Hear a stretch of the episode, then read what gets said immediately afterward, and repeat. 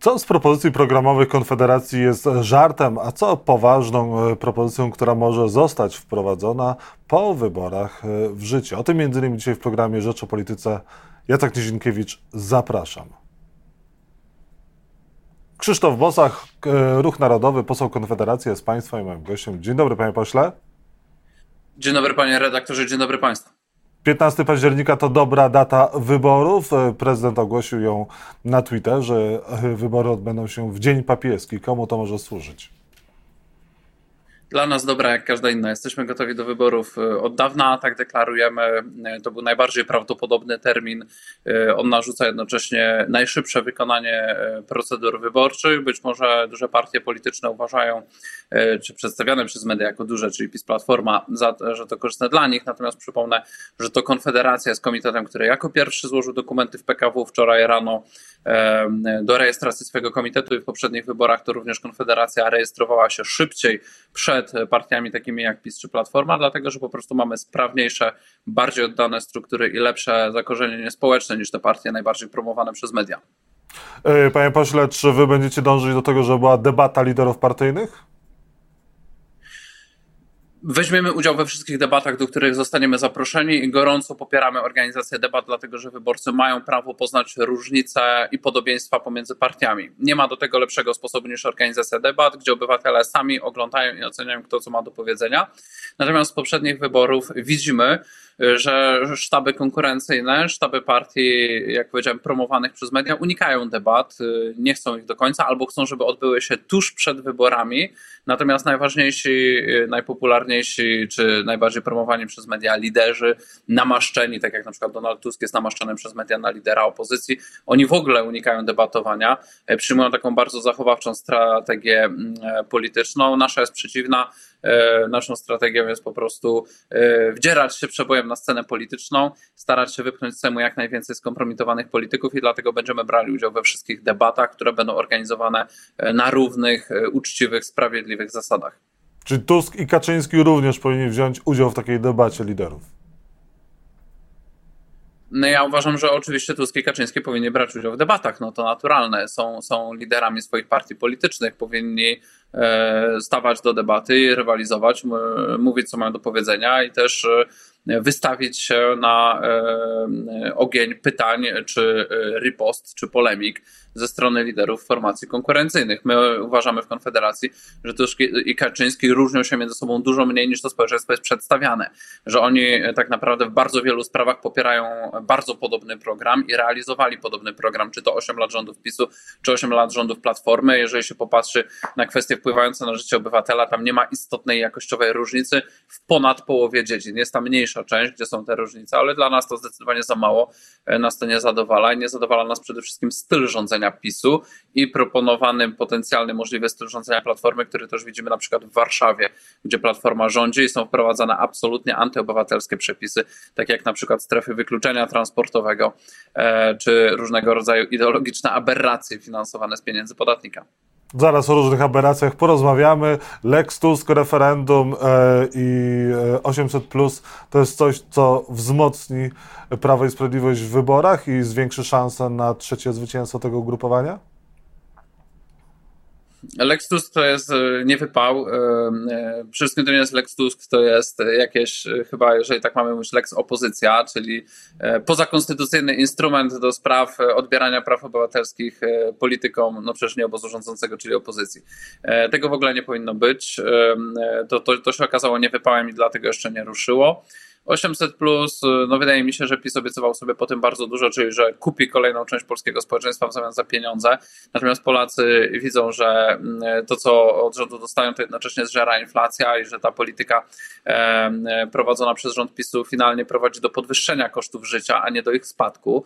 E, I tu pojawia się Konfederacja ze swoimi propozycjami prostych, niskich podatków i nie zabierania ludziom pieniędzy, które zarabiają wolności gospodarczej, zamiast przeregulowywania wszystkiego i robienia z nas klientów państwowych państwowego aparatu redystrybucji i takich, e, co tu dużo mówić, niewolników po prostu, e, kaprysów polityków wybieranych demokratycznie, którzy mogą dać, ale mogą też nie dać. Natomiast trzecia sprawa, o której pan wspomniał, panie redaktorze, to było co? E, kwestia referendum. Mogą dojść do tego dodatkowe pytania. Te referendum imigracyjne, tak? No. No, mogą dojść również pytania o kwestie, inne kwestie. Pojawiają się takie informacje. Trudno ko komentować spekulacje, chociaż jako politycy jesteśmy nieustannie zmuszeni do komentowania spekulacji. Natomiast jeżeli chodzi o politykę migracyjną, my uważamy, że to jest temat zasługujący na e, debatę. Ja byłem chyba pierwszym politykiem w Polsce, który rzucił pomysł referendum w tej sprawie, bo już w roku 2018, kiedy PiS e, ukrył swoją strategię migracyjną, która jest realizacją wcześniejszej strategii rządu Donalda Tuska, dopełniania populacji e, masową imigracją z obcych kręgów kulturowych także. PiS chciał to ukryć przed społeczeństwem, tego już się nie da ukryć ukryć, co rząd PiSu robi i uważamy, że to co najmniej zasługuje na poważną debatę w parlamencie, której PiS boi się zorganizować, dlatego nigdy tego nie zrobił. E, to zasługuje też na referendum, żeby Polacy określili, jakiego modelu polityki migracyjnej chcą w swoim państwie. Czy na przykład chcemy e, równouprawniać e, pod względem socjalnym imigrantów z całego świata z Polakami, tak jak w tej chwili kredyt 2% ma być finansowany przez podatników dla cudzoziemców z całego świata, czy tego nie chcemy? Ja osobiście uważam, że z pieniędzy polskiego podatnika powinny być finansowane rzeczy dla polskich obywateli, a jeżeli chcemy dać komuś coś z zagranicy, to powinniśmy stawiać warunki. Polskie państwo w tej chwili nie stawia żadnych warunków. Można by powiedzieć, że polityka PiSu jest tutaj bardziej lewicowa niż jakiegokolwiek wcześniejszego rządu, bardziej też kosmopolityczna, mimo całej patriotycznej retoryki. Także to są tematy na referendum, ale PiS nie chce prawdziwego referendum ani prawdziwej debaty. PiS chce zrobić plebiscyt, za unijnym rozwiązaniem i przeciw unijnemu rozwiązaniu. No i w Polsce może poza lewicą wszyscy przeciwko temu unijnemu rozwiązaniu przymusowej relokacji są po prostu przeciwni. Natomiast PiS też niespecjalnie tym rozwiązaniom oponował. Wiem to, bo jestem jednym z posłów, który składa w tej sprawie interpelację już kilka lat temu i widać było, że rząd był bardzo cichy. Rząd Morawieckiego generalnie w Brukseli popierał wszystko, co się da, póki się w Polsce opinia publiczna nie połapała, a później robią retoryczne protesty, ale to za mało. No, jakby musimy ich odsunąć od władzy, bo to są po prostu totalnie hipokryci. No ale musicie ich odsunąć od władzy po to, żeby później z nimi tę władzę sprawować, jeżeli oni wygraliby wybory i potrzebowaliby koalicjanta. Jesteście w stanie znaleźć porozumienie, na przykład gdyby e, kandydatem na premiera Prawa i Sprawiedliwości po, jak mówię, wygranych e, był, e, wygranej przez PiS był Przemysław Czarnek. On mówi o was pozytywnie. Ja mam apel do dziennikarzy, żeby przestali traktować poważnie e, każde e, rzuconą spekulację przez polityków obozu rządzącego. Ja rozumiem, że politycy obozu rządzącego, żeby ukryć różne swoje machloje, e, różne afery, dziwne wrzutki lobbyingowe, jak tą, w której zrobimy konferencję prasową za, za niecałe dwie godziny, e, czyli przez ministra Budę do ustawy o refundacji, znaczy do ustawy o KUKE dopisane zmiany e, regulacji rynku aptecznego. Ja rozumiem, że oni, żeby ukryć swoje machlojki, chcą rzucać takie spekulacje, którymi my się będziemy zajmować, ale traktujmy się jako obywatele poważni. Konfederacja jest prawdziwą siłą opozycji i ten układ władzy jest zdecydowana odsunąć i wyczyścić do spodu. Minister Czarnek jest częścią chorego układu władzy, który w tej chwili w Polsce władzę sprawuje. Jest częścią patronatu nad patologicznymi układami finansowymi w świecie akademickim, gdzie na przykład w tej chwili Narodowe Centrum Nauki zamiast finansować naukę, finansuje idące w setki tysięcy złotych granty o sadomasochizmie. No to jest chora sytuacja, panie redaktorze, i takich sytuacji jest więcej. No, wykłady osób o konserwatywnych poglądach blokowane są na uniwersytetach, realna wolność akademicka jest zagrożona, a minister Czarnek Czarnek obraca konserwatywne frazesy. Naprawdę są granice hipokryzji. My z e, hipokrytami e, nie chcemy mieć nic wspólnego i choćby za ten poziom demoralizacji, jaki na poziomie mm, e, zarządzania pieniędzmi publicznymi prezentuje PiS, my nie chcemy mieć z nimi naprawdę nic wspólnego i bardzo proszę, żeby zaprzestać już tych spekulacji, że Konfederacja może pomoże PiSowi, może koalicja, może to, może tamto. My mówimy bardzo jasno, my idziemy po to, żeby ten stolik im wywrócić, a nie żeby pod nóżkę tego stolika podkładać jakąś podkładkę. Konfederacja nie jest na sprzedaż, Konfederacja nie będzie podkładką ani podnóżkę stolika pisowskiego, ani platformerskiego. E, te układy, jak mówię, które w tej chwili w świecie władzy są, e, trzeba po prostu przerwać, wyczyścić i budować politykę w państwie polskim na nowych, zdrowych, uczciwych, transparentnych zasadach. I my to zrobimy. Nie po tych wyborach, to po następnych, ale prędzej czy później to zrobimy, dlatego że sytuacja takiej patologii, jak jest w tej chwili, nie może wiecznie trwać. Waldemar Buda mówi, wspomniany przez pana minister, jak kobieta może zagłosować na Konfederacji, tam jest całkowity zakaz aborcji.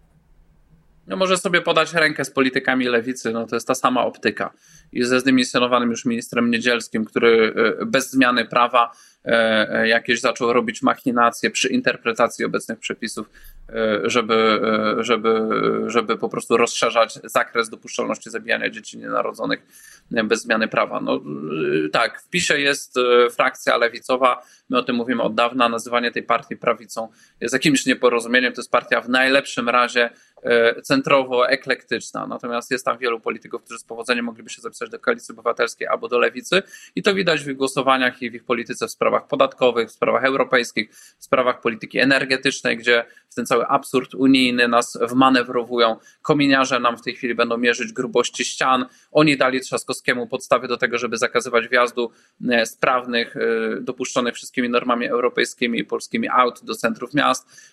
Oni zmieniają nasze życie w regulacji korporacyjne piekło i chcą się przedstawiać jako prawica, to jest żart. I minister Buda jest elementem tego układu, jest też elementem układu całkowitej nieskuteczności w polityce unijnej, bo to przecież on e, negocjował przepisy, w wyniku których jesteśmy zalewani przez produkcję ukraińską rolną i nasze rolnictwo jest niszczone, co bardzo boli E, ludzi najmniej czasem reprezentowanych w mediach, czyli producentów rolnych, drobnych przedsiębiorców z branży rolno-spożywczej, która jest w tej chwili wykańczana przez rząd PiSu. Jest wykańczana zupełnie świadomie, intencjonalnie, bo o tym, co się w tej chwili stanie, mówił minister Ardanowski na samym początku wojny na Ukrainie, gdy zaczynało się otwarcie rynku europejskiego bez żadnych zasad i bez wymagania od strony ukraińskiej tych samych standardów, które mamy w Polsce. I to się dzieje na wielu polach. I minister Buda współodpowiada za to, dlatego powinien odejść razem z Morawieckim, razem z Niedzielskim, razem z Czarkiem, razem z Kaczyńskim, razem z całą tą ekipą. E, czy wy e, jesteście za zaostrzeniem prawa aborcyjnego? Jesteśmy za tym, żeby e, szanować przepisy, które są w tej chwili w Polsce. Jesteśmy za tym, żeby nie zabijać bezbronnych, chorych dzieci. Jesteśmy za tym, żeby podnosić standardy opieki okołoporodowej, pomagać kobietom, które mają problemy, mają komplikacje w ciąży, żeby ujednolicać standardy opieki medycznej w szpitalach. W tej chwili niestety tego nie ma. E, mamy różną śmiertelność noworodków, zależnie od województwa. Wynika to z różnego standardu opieki medycznej.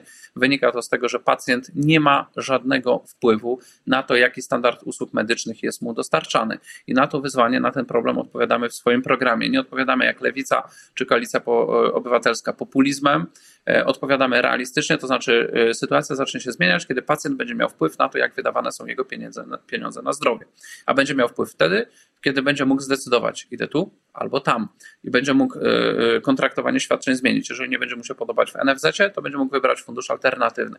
Wtedy wszyscy, w tej chwili jesteśmy wszyscy zakładnikami NFZ-u, nie mamy żadnego wyboru, to jest system socjalistyczno-etatystyczny i on nie będzie dobrze działał. E, wiara w to, że ten system po dosypaniu pieniędzy się poprawi, to jest czysta mitomania. Jesteśmy jedyną formacją w Polsce, która tej mitomanii nie podziela.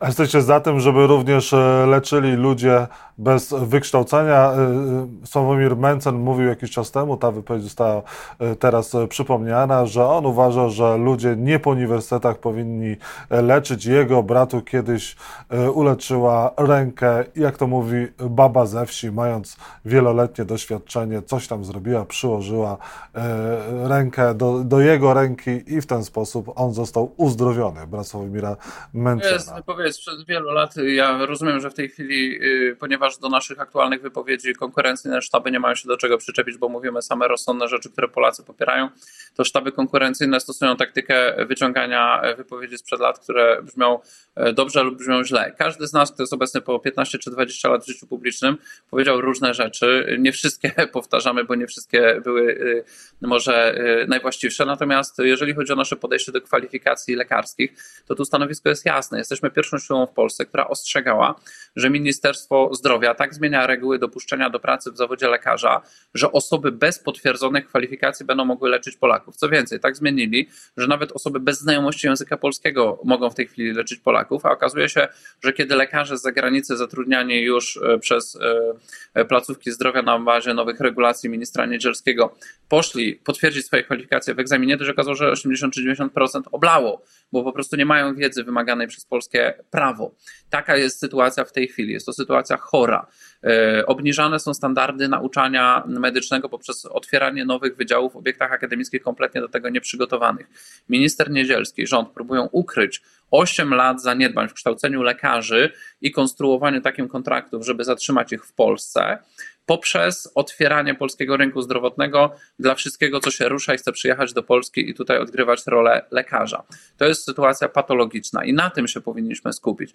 Natomiast cały sektor działań jakichś paramedycznych, pozamedycznych i tak dalej, może sobie funkcjonować, o ile nikt nikomu nie szkodzi i nie jest to sprzeczne z prawem. I mamy pewne granice prawne, do prawa się trzeba stosować. Jeżeli ktoś prawo łamie, to powinien ponosić konsekwencje, natomiast poza e, sferą ograniczeń prawnych mamy sferę wolności społecznej, wolności gospodarczej i tam sobie każdy może robić, co sobie chce. Jak ktoś chce sobie pójść do jakiegoś masażysty, sobie może iść do masażysty.